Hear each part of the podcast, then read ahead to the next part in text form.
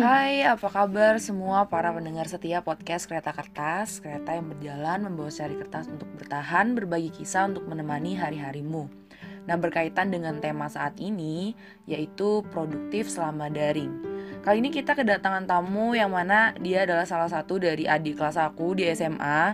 Nah, di sini kita bakal ngobrol-ngobrol bareng tentang gimana sih keseharian selama daring biar produktif dan bermanfaat. Mungkin boleh perkenalan dulu. Hai, nama aku Eliana Mardika Biring. Aku sekarang kelas 11 dari Jayapura. Oke, hai Eliana, apa kabar? Lagi sibuk apa ini? Akhir-akhir ini? Nah, aku sekarang lagi sibuk persiapin untuk PAT sih. PAT? Kalau boleh tahu tanggal berapa sih PAT-nya di sekolah? Uh, Senin depan, tanggal 24. Senin depan? Itu berapa hari? Sampai tanggal 3 Juni berarti uh, sekitar satu minggu lebih. Satu minggu lebih. Daring kayak biasanya ya. Terus uh, iya. ada ada rencana nggak habis PAT mau ngapain? Itu kan pasti nanti libur panjang tuh. Ada rencana nggak? Atau ngeliat nanti gitu? Aku rencananya habis PAT aku mau belajar saham. Saham? Wah hebat banget. Iya. di umur segini belajar saham tuh penting banget loh. Bagus bagus bagus Nah, uh, terkait tema kita hari ini tuh kan tentang uh, produktif selama daring kan. Karena kendala kita uh, mulai dari awal-awal masa pandemi itu kita uh, susah untuk beradaptasi karena dari awal offline yang mana Elena sendiri tahu kan sekolah kita itu kan asrama terus apa-apa yeah. itu iya. udah teratur, terjadwal, terprogram kayak gitu. Nah, biasanya kita lebih teratur lah sedangkan berubah jadi daring di rumah kayak gini kan jadinya nggak teratur dan kita jadi apa ya nggak terarah gitu loh. Nah kalau Eria, iya, Eliana sendiri tuh gimana sih uh, keseharian kamu selama dari mulai dari awal bangun sampai tidur gitu? Gimana coba ceritain? Sebenarnya keseharian aku bener-bener kayak pelajar online pada umumnya sih kak. Hmm, hmm. kayak uh, pertama bangun dulu habis itu siap-siap sekolah hmm. mandi makan segala macem terus sekolah online sampai jam satu kira-kira. Hmm. terus makan siang habis makan siang tuh waktu bebas kayak mau nonton atau hmm. apa gitu kan. Nanti jam-jam setengah tiga atau jam tiga kalau mood dipakai untuk workout. Tapi yang hmm. workout. Suka workout ya, ya. tapi yang ringan aja kak. Soalnya nggak kuat kalau yang hardcore. Iya sih. Tapi bagus lah seenggaknya udah mencoba untuk hidup sehat ya kan? Terus uh, ya, dalam keseharian itu gimana sih cara kamu ngatur jadwal kegiatan selama di rumah itu? Kayak misalkan selama seminggu itu jadwal kamu sama aja atau tiap hari workout atau beda-beda? Gimana ngatur jadwalnya? Um, menurut aku hmm? Penting untuk bener-bener punya rutinitas. Jangan yang kayak kalau lapar makan kalau ngantuk tidur itu jangan sih. Hmm. kalau aku sendiri aku bikin jadwal yang bener-bener ngatur dari bangun pagi sampai malam. Tapi sesuaiin sama kapasitas aku jadi akunya nggak ngerasa berat gitu. Hmm. cuman kalau udah mager ya aku berhenti ngikutin jadwal. Tapi pas udah semangat bikin jadwal baru. Soalnya yang lama tuh udah nggak ngefek gitu kamu suka ngebuat list gitu nggak di catatan? Kayak besok kamu ngapain? Atau kamu cuman di pikiran kamu aja list itu? Kalau lagi semangat semangatnya itu bener-bener aku list di cermin kamar. Jadi hmm. aku lihat listnya. Hmm. jadi sekarang udah kosong listnya. Terus kamu biasanya kalau kakak sendiri ya kakak pribadi kakak itu suka uh, ngebuat list kayak gitu juga uh, misalkan besok mau ngapain kakak catat karena takut kakak lupa kan. Terus kakak itu yeah. biasanya uh, ada apresiasi terhadap uh, apa yang kakak lakuin besok gitu. Misalkan nih hmm, waktu pas kemarin kakak sibuk-sibuknya ujian dan tryout sebagainya itu kakak kan buat list kayak besok belajar dari jam sekian ke jam sekian. Pokoknya bangun subuh itu belajar sampai pagi habis itu ntar ikut daring habis itu les kayak gitu-gitu. Nah kakak itu bakal ngasih apresiasi diri kayak dua jam habis buat nonton bener-bener fokus nonton habis itu sejamnya main HP tapi bener-bener pakai waktu gitu. Kalau kamu sendiri ada apresiasi gitu nggak? Kalau apresiasi biasanya aku pakai pas diet sih kak. Kalau habis diet kayak pake... tahan sampai tanggal segini diet diet diet diet. Oh kamu diet? gitu. Iya kak. Oh kayak gimana gimana? Oh, tadi tanggal gitu, jadi kayak tahan sampai tanggal ya tanggal 15 tahan hmm. sampai tanggal 15 hmm. Terus nanti boleh makan yang gede-gedean gitu sih kak tapi kamu udah mikirin rencana kamu bakal makan apa nggak sebelumnya? Kayak mau makan enak udah. gimana gitu? Udah. Udah kak. Hmm. Sam, uh, itu biasanya berjalan berapa lama sampai sampai apa kamu ke cheat day? Itu biasanya disebut cheat day kan? Kalau lagi diet kayak gitu iya. Hmm. iya. Berapa berapa hari selang waktunya? Seminggu gitu? Uh, random kak. Tergantung target aku turun berapa gitu. Biasanya oh. sih dua mingguan. Dua sampai tiga minggu. Oh dua sampai tiga minggu. Lama ya. Dulu kakak uh, awal sebulan awal kakak kan juga diet diet gitu kan? Terus turun beberapa kilo yeah. lumayan banyak awal-awal kakak juga kayak seminggu cheat day pas hari minggunya terus habis itu bulan depan ya dua minggu sekali bulan depannya lagi tiga minggu sekali makin ekstrim gitu loh tapi kayak uh, pelan-pelan Nah, selama kamu ngatur uh, jadwal kamu kayak gitu, itu pernah gak sih kayak ngerasa bosen? Terus nggak ngapa-ngapain seharian aja kayak pengen rebahan aja, pokoknya all day harus lebaran, uh, rebahan doang gitu. Pernah nggak? Nggak produktif gitu? Kalau pasti pernah sih kak. Hmm. Tapi aku menghargai saat gak ngapa-ngapain. Jadi bener-bener aku rebahan aja tuh. Oh menghargai ya? bentuk kamu menghargai itu gimana? Menikmati rebahan itu? Iya rebahan. Ambil makan terus makan di tempat tidur. Itu sih kak. Seharian nggak ngapa-ngapain kayak malas belajar malas ngapa-ngapain workout juga enggak. Pernah tapi nggak sering ya? Iya.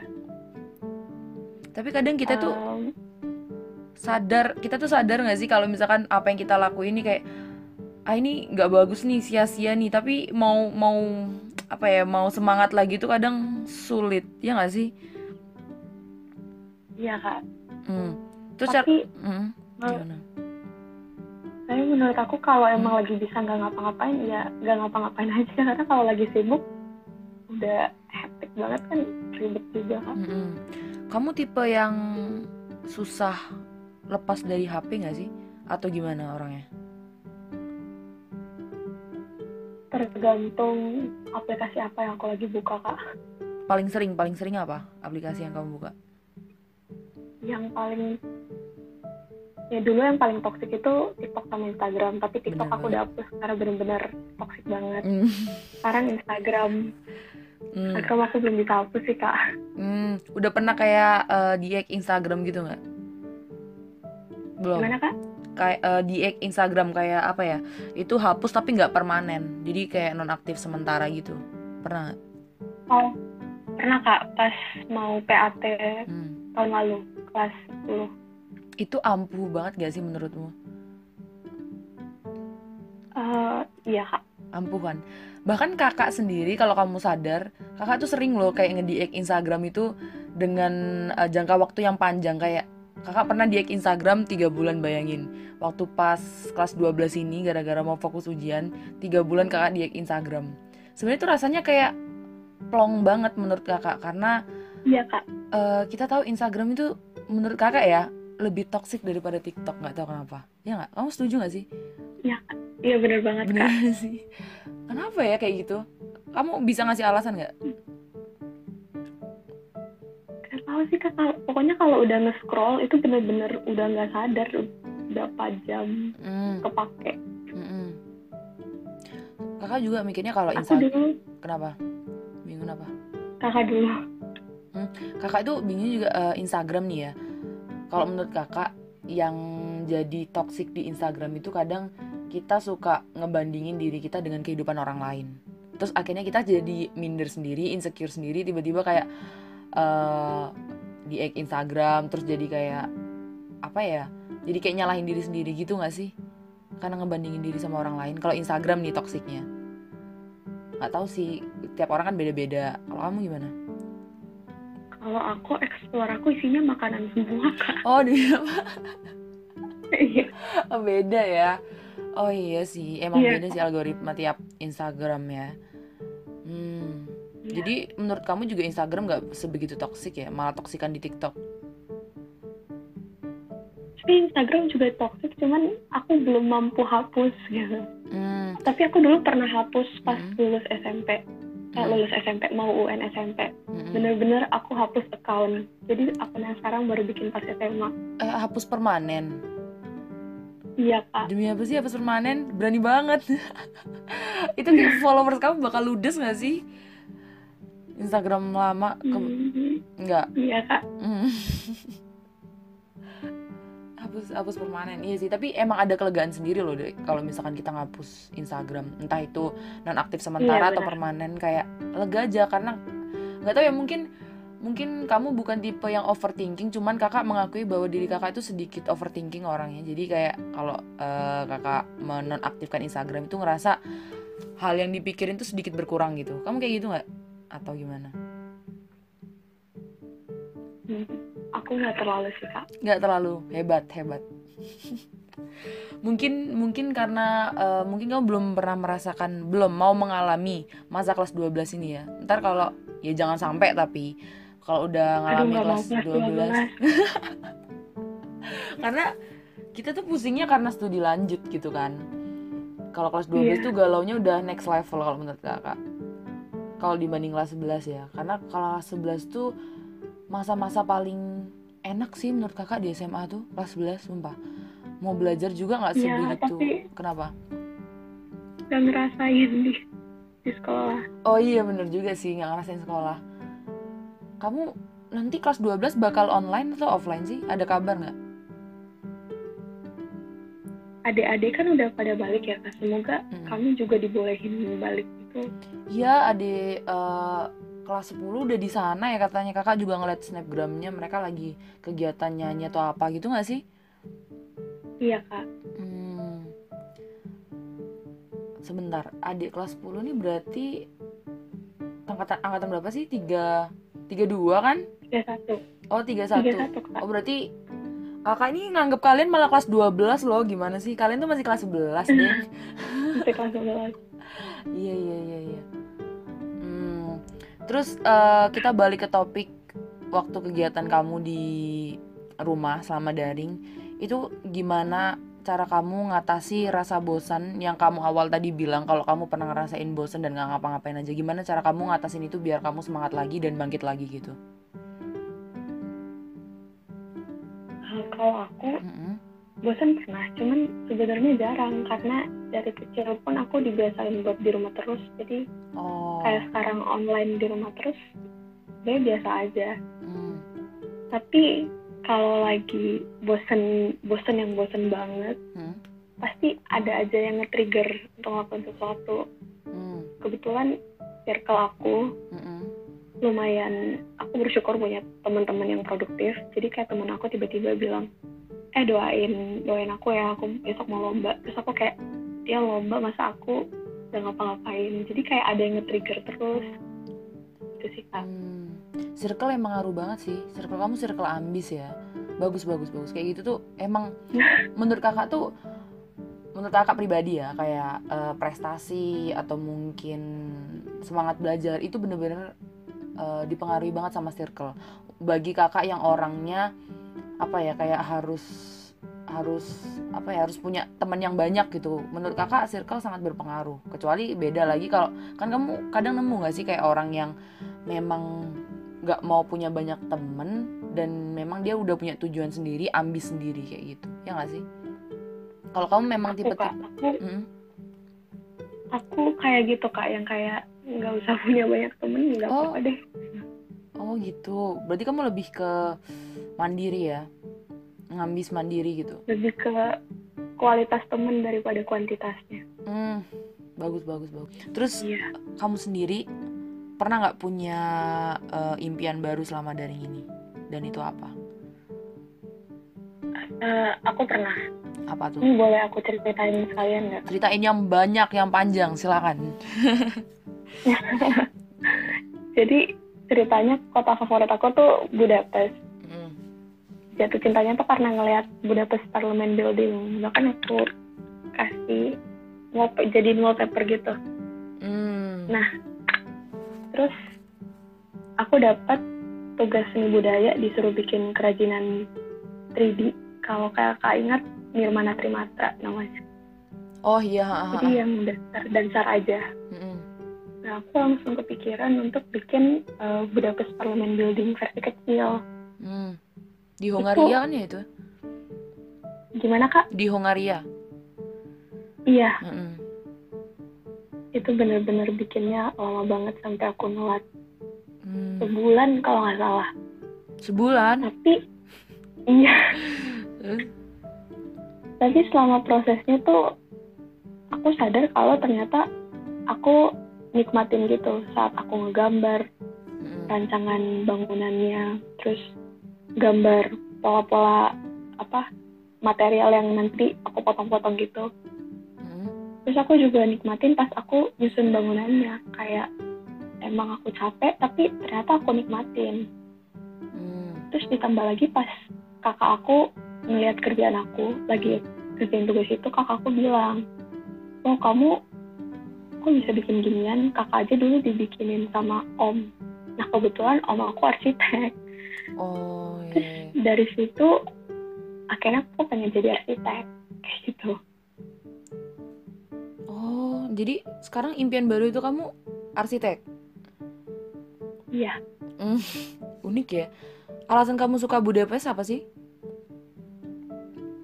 Kenapa tiba-tiba tertarik? Apa habis nonton film atau apa?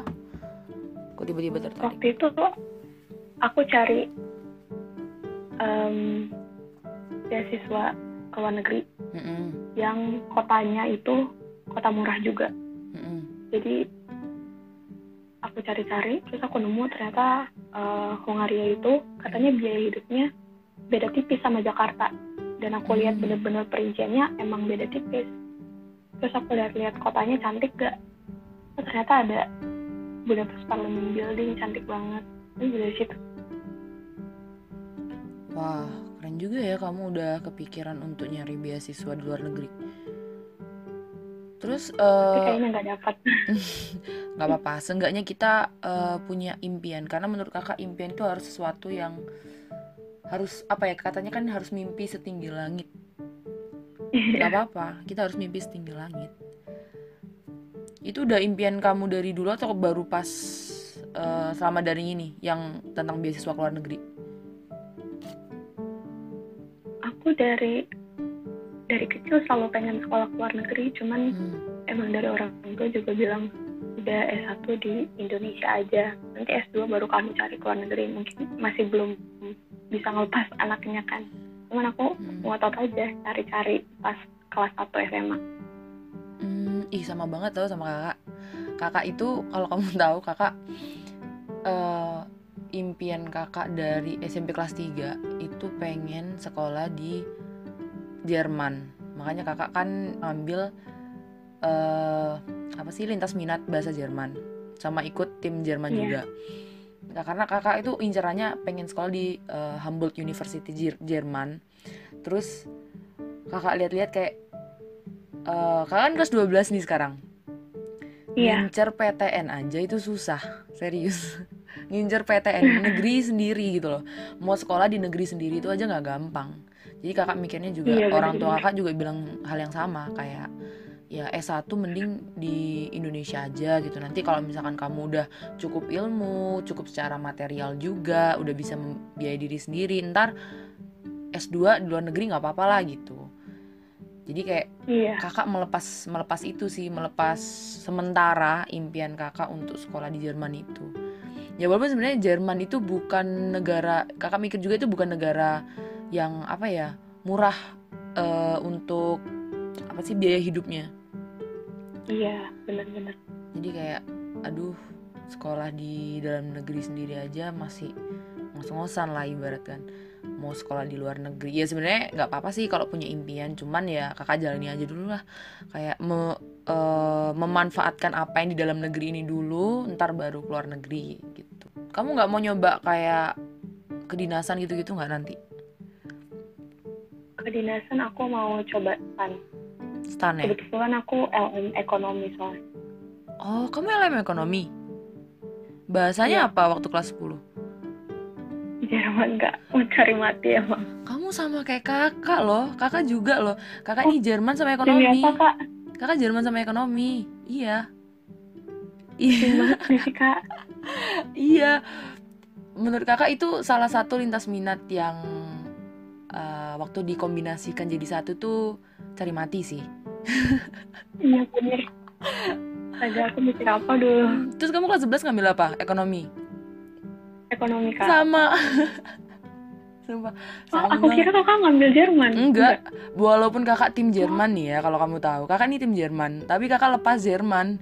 Ya tadi karena kakak sadar Ah. akan mimpi kakak itu, itu pas kelas 11. Terus kakak ngejar yang ekonominya. Karena menurut kakak kayak yang kakak butuhin terdekat ini adalah eh, ekonomi.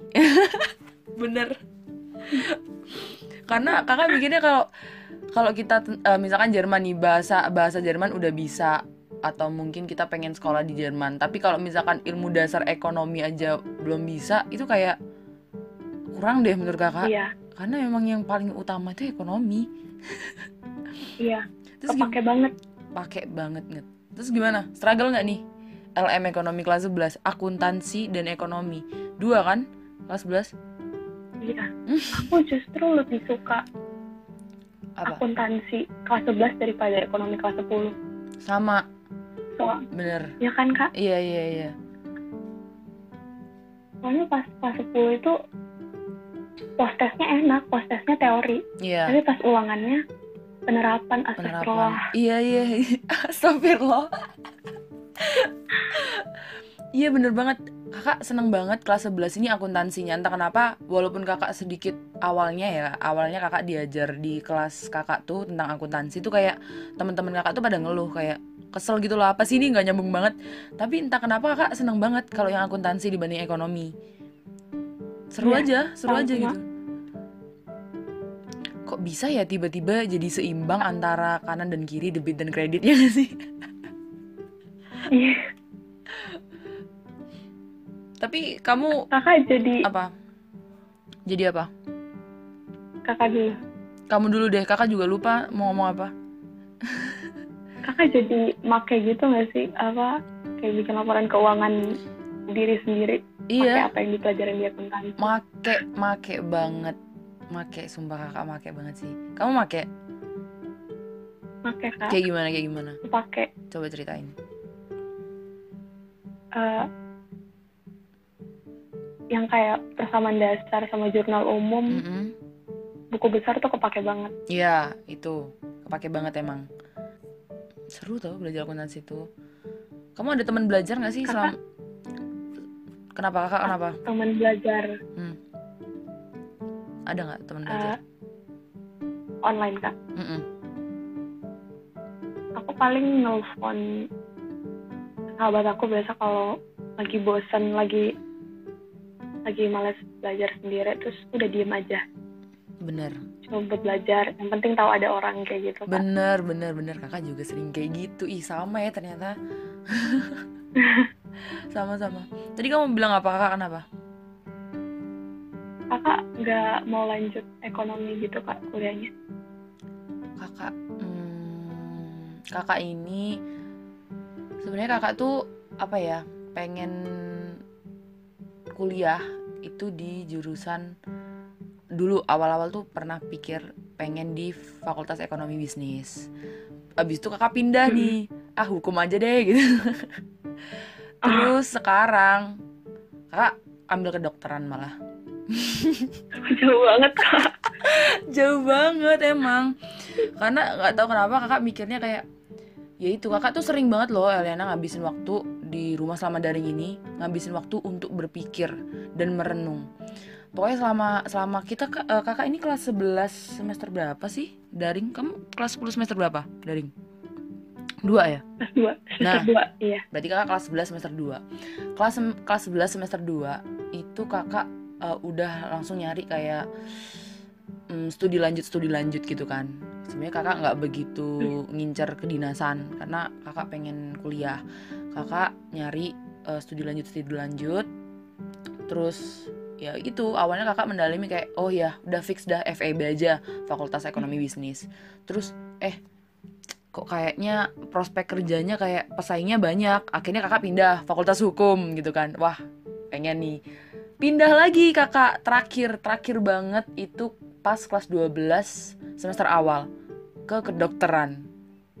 Nggak tahu kakak mikir apa di. Sampai sampai itu udah keputusan akhir kakak kedokteran itu itu. Udah nggak bisa keganggu gugat lagi. Karena kakak mikirnya kayak kakak suka pelajaran ekonomi bisnis kayak gitu kakak suka banget. Bahkan kakak udah pernah yeah. pas kelas 11 nyoba bisnis kecil-kecilan dua atau tiga bisnis kakak oh, aku lihat kak. Ya kan? Kamu yeah, lihat yeah. kan? Makanan yeah. iya produk iya kakak coba bisnis itu. Tapi gagal. Kakak nggak lanjutin lagi. Nggak nggak bukan nggak ngelanjutin kak uh, bukan kakak hapus gitu enggak tapi kakak istirahatin dulu gitu loh. Karena kakak ngerasa kayak ada sesuatu yang harus difokusin yang lain gitu karena ibaratnya yeah. kan kayak kayak kita ngejar kelinci yang berlarian kita nggak bisa ngejar dua kelinci karena mereka bakal berlari ke arah yang berbeda kita harus fokus sama satu yeah, kelinci yeah, dulu bener. ya kan kayak gitu kakak mikirnya yeah. jadi kakak ah udahlah lepas dulu aja kakak mikirnya ya udahlah kedokteran dulu ntar kalau misalkan kakak udah selesai kedokteran nanti kakak sambil nyambi nyambi bisnis gitu kayak gitu kakak mikirnya karena bisnis bisa dipelajari di luar perkuliahan sih menurut kakak soalnya kita bisa belajar dari iya karena bisa belajar ke orang-orang yang berpengalaman ya nggak sih iya benar Gimana kalau kamu sendiri? Sudah berpikir sejauh aku, itu kah? aku sama kayak kakak loh. Aku sebenarnya hmm. nggak hmm. suka kedinasan karena aku tipe yang bebas. Bener. Suka terikat. Bener banget. Bener banget kamu sama kayak kakak banget. Iya. Kakak juga cinta kebebasan. Terus? Terus, aku awalnya mau FTB tapi nggak jadi karena saingannya banyak. Iya bener. bener banget. Banyak saingannya tuh FEB serius deh. Terus? Dan saingannya IPS iya bener. IPS loh. Terus? Habis itu aku mau hukum. Tapi terus? tapi aku takut sama konsekuensinya karena hukum yeah. itu menyangkut orang lain nggak aku doang aku takut mm -mm. dan kita tahu kondisi hukum di Indonesia ya iya benar benar benar terus terus uh, akhirnya aku mikir arsitek kan karena hmm. sambil arsitek sambil nyambi nyambi bisnis cuman nah, hmm. setelah aku pikir-pikir lagi kalau aku beneran kuliah bisnis hmm. Bakal dapet modal setahu aku.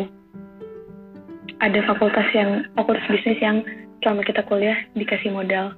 Jadi hmm. aku nanti dalam nama Yesus tetap daftar bisnis. Saya nggak tahu deh. Iya harus dicoba harus dicoba itu serius. Harus dicoba menurut kakak. Coba sebanyak mungkin cuman jangan kebanyakan juga. Ntar jadinya kayak apa ya otak kita bercabang malah nggak dapat semua gitu. Iya hmm. takutnya gitu. Mm-mm. Karena kan ada yang bilang kayak selama kamu masih muda cobalah semua itu kamu coba. Nggak sebenarnya nggak semua nggak sesemua itu. Kita harus apa ya harus pinter-pinter jangan menghabiskan waktu yang di mana menurut kita kita nggak ada pencapaian di situ. Dan kita nggak ada istilah yeah. benefit itu nggak ada dari uh, ke kitanya. Nggak ada timbal baliknya ke kita menurut kita nggak perlu diperjuangkan. Kita harus memperjuangkan sesuatu yang apa ya yang ada timbal baliknya ke kita ya nggak sih? Nggak semua harus coba Bener. cuy benar. Jalan ya, ternyata mimpi kamu tuh ya banyak banyak mimpi yang apa ya dari kita ini hampir-hampir sama loh ya Liana ternyata iya. padahal di sekolah juga kita nggak nggak nggak pernah nggak pernah ngobrol panjang lebar ya nggak sih? Paling cuma nyapa doang. Iya. Iya bener Ih, seru banget ternyata. Tapi nanti kamu kelas 12 uh, eh, nanti kamu bakal nemuin sih Elena kayak uh, sebenarnya passion kamu di mana? Apa yang kamu butuhkan itu di mana? Itu nanti kamu bakal nemu.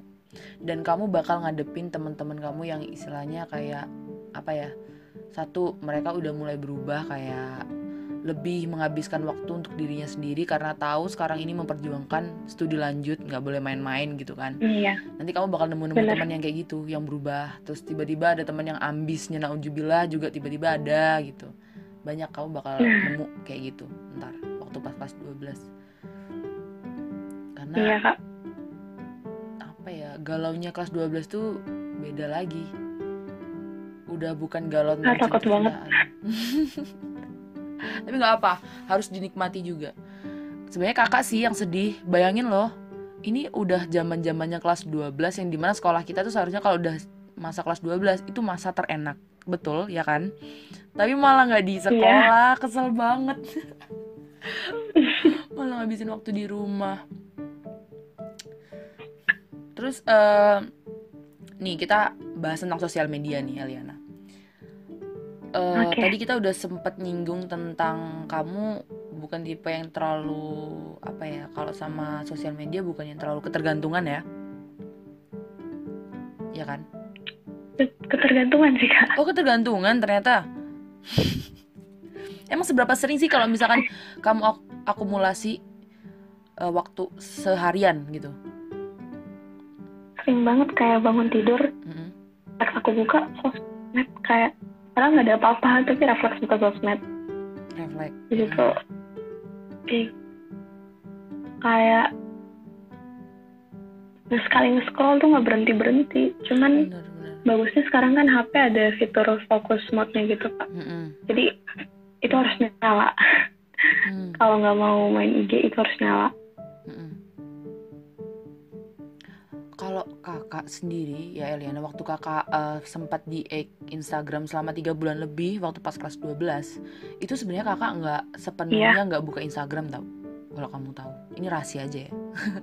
Jadi kakak tuh buat akun eh, akun baru gitu yang isinya itu kayak kakak ngefollowin semua akun beasiswa semua akun studi lanjut kakak tetap nge-scrollin sosial media, tetap ketergantungan sama sosial media, tapi di situ ada timbal baliknya ke kakak yaitu informasi-informasi tentang stutelan itu.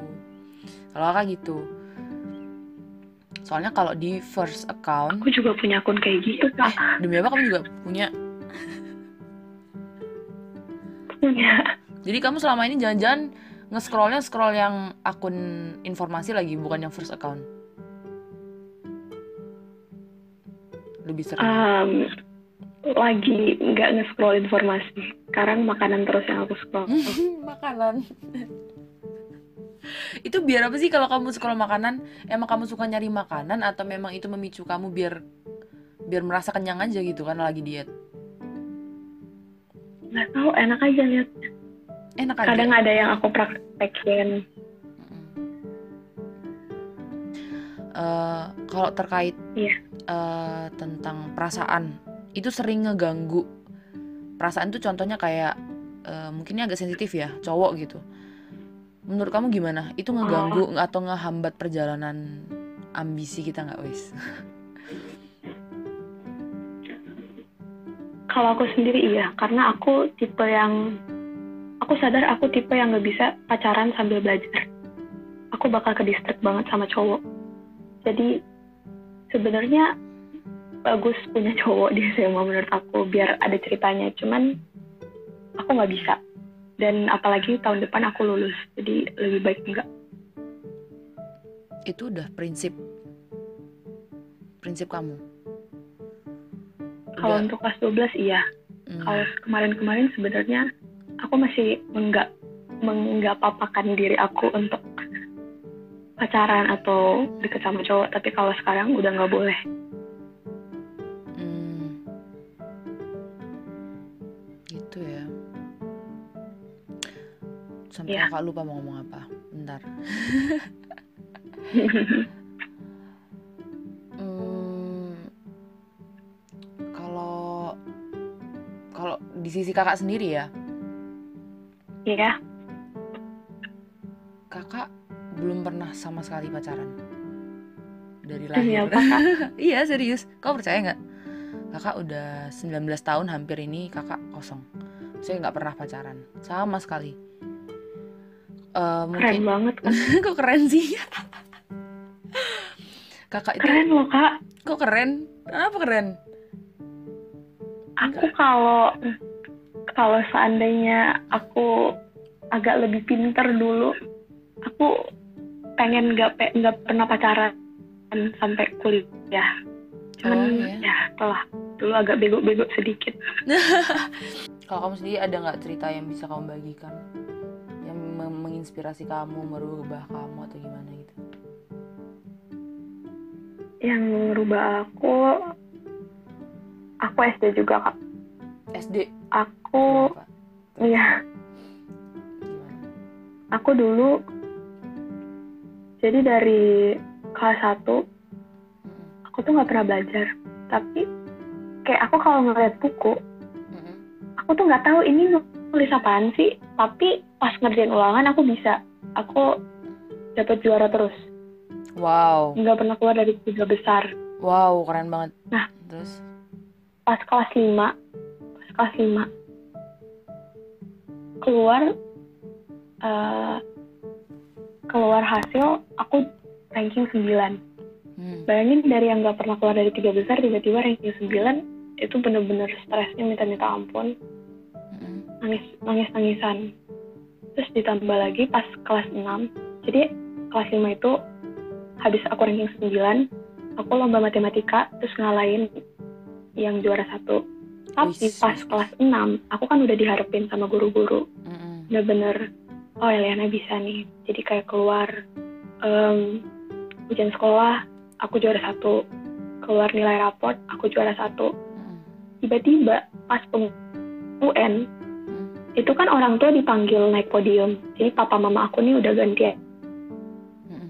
pas pengumuman UN sepuluh besar pun aku nggak masuk teman-teman aku tuh semua yang langsung kayak Dika Dika jangan nangis Dika Dika jangan nangis. Malu banget di situ bener-bener malu banget dan itu sih yang ngubah aku. Akhirnya SMP SMP kan pelajarannya udah nggak kayak SD aku bener-bener udah nggak bisa yang nggak belajar dan masih bisa ngejawab ulangan. Karena dari SMP baru aku mulai bilang sama diri aku harus belajar nggak bisa aku main cap doang pas ulangan. Kayak gitu sih kak. Hmm. oh sepertinya SD ini emang banyak kejadian yang menampar ya. Walaupun kita masih kecil iya. belum baik untuk merespon hal seperti itu tapi memang membekas sih sampai sekarang. Kalau SMP iya. SMP SMP paling nilai aku turun gara-gara pacaran akhirnya aku kapok terus SMA nggak mau pacaran berarti sama SMA ini kamu nggak pernah pacaran sama sekali nggak pernah Wow, hebat. Padahal yang deketin segitu banyak. hebat sih hebat. Karena memang menurut kakak yang sulit untuk menghindari itu seharusnya SMA loh. Sulit menghindari masa-masa kayak gitu tuh.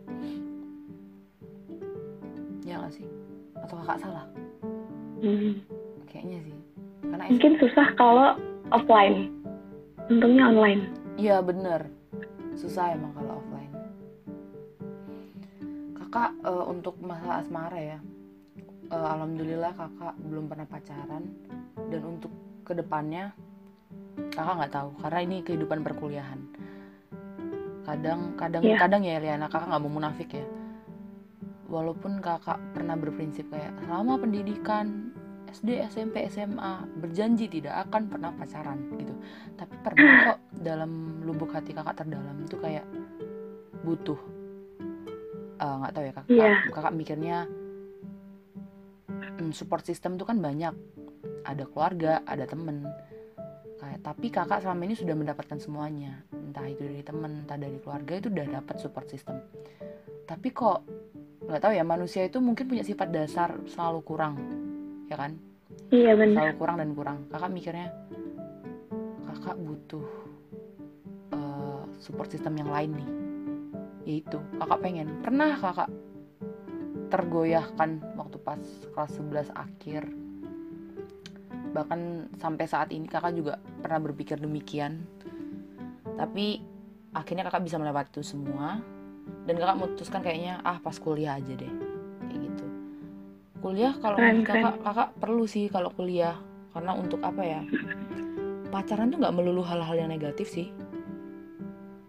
Iya. Ya kan? Kadang tergantung hmm. ya tergantung siapa siapa siapa pat bukan siapa pacar kita siapa orang yang deket sama kita itu. Kayak memang memang dia Iya. Banyak sisi positifnya. Kenapa nggak kita saling berbagi aja? Kakak tuh mikirnya gitu. Hubungan di kuliah itu seharusnya kayak gitu aja iya. ntar. Hubungannya dewasa tuh kayak gitu. Jadi kita tuh ada bersama itu untuk saling melengkapi dan saling tukar pikiran. Bukan yang malah kayak toksik toksikan, uring-uringan, manja-manjaan tuh kayak no sih kakak. Aduh jangan deh. Iya kakak anti sih kalau kayak gitu. Dan apalagi kalau misalkan dua-duanya sama-sama belum bisa menghasilkan uang satu sama lain, mending gak usah berusaha untuk kan kamu tahu kan sekarang tuh zaman zaman sekarang nih pacaran banyak yang kayak uh, biayai makan, bioskop, jalan, itu kan semua pakai duit gitu loh guys. Dan iya, kalau misalkan duit tuh masih minta orang tua, kakak malu sih. Iya sama kak malu. Ya kan, kakak malu. Kecuali kalau udah dapat penghasilan sendiri wah kakak ini sembari menitipkan pesan ya kepadamu. Karena kamu e, merupakan salah satu bibit bibit unggul sepertinya Eliana. Bibit prestasi yang unggul ntar dan bakal jadi orang sukses. Amin amin amin, amin. kakak berharap banget sih kita bisa uh, ketemu lagi di luar lingkup SMA ini Eliana. Mulai ketemu. Terus terakhir nih terakhir ada nggak saran dan iya. pesan yeah. kamu mungkin buat adik-adik wes adik-adik kamu atau mungkin buat teman-teman kamu saran dan pesan agar produktif selama pandemi ini um, yang pertama paling penting menurut aku circle per kayak makin gede kita harus makin pintar ngelihat mana teman yang positif yang bikin kita termotivasi juga untuk melakukan hal-hal positif mm-hmm. terus mana yang bikin kita jadi menormalisasi hal-hal yang sesuai moral yang bawa sial aja itu buang nggak salah gitu loh pilih-pilih teman mm-hmm. kayak gitu menurut aku mm. itu pertama mm. terus yang kedua bener-bener harus um, take time untuk tahu tujuan tujuan kita itu apa ke depannya, minat bakatnya apa. hmm Karena biasa orang tuh mageran karena um, kayak nggak tahu mau ngapain kan, nggak hmm tahu kita ngapain tujuannya apa gitu. Dan se- padahal sebenarnya simple kalau kita mau tahu tujuan kita apa, lebih perhatiin ke hal-hal terkecil aja. Kayak misalnya aku aku sadar ternyata aku suka banget bebas. Dalam artian aku nggak bisa jadi pemimpin aku juga nggak bisa jadi pegawai. Akhirnya aku fokus untuk cari pekerjaan yang freelance. Terus uh, fakta kalau aku seneng gambar berjam-jam walaupun capek tapi aku senang terus pelajaran yang aku paling tahan belajar berjam-jam tuh M matematika. Mm. semua itu match ke arsitek. Dari situ ketemu impian aku dan karena aku udah ketemu impian aku tinggal dicari apa yang dibutuhin untuk bisa jadi arsitek kuliah arsitek. Hmm. untuk kuliah arsitek aku harus pintar di apa. Kayak gitu. Terus yang terakhir dilakuin sekali apa pun itu. Mungkin coba gambar satu kali coba ikut lomba satu kali. Karena selalu ada yang pertama untuk semuanya. Dan kalau udah ada satu, bakal gampang buat jadi dua tiga empat lima. Yang susah tuh kan dari nol ke satu gitu. Terus. Luar biasa. Bagus-bagus. Itu kata-kata yang terakhir ngena banget sih. Karena pas banget sama yang kakak alami yang kakak ceritain tadi yang pas SD. Memang kita butuh yang pertama untuk memulai dua tiga empat lima wow bagus Oke, jadi untuk sesi penutup, terima kasih buat Eliana yang udah mau nyempetin ngobrol di podcast kakak. Nah, semoga kegiatan belajarnya dilancarkan. Semangat kelas 11-nya, terus titip salam buat teman-teman seangkatan. Terus selamat juga bentar lagi udah mau naik kelas 12, semangat PAT-nya. Semangat menghadapi betapa rumitnya mikirin studi lanjut. Sehat selalu ya, Ariana. Bye bye. Makasih, Kak.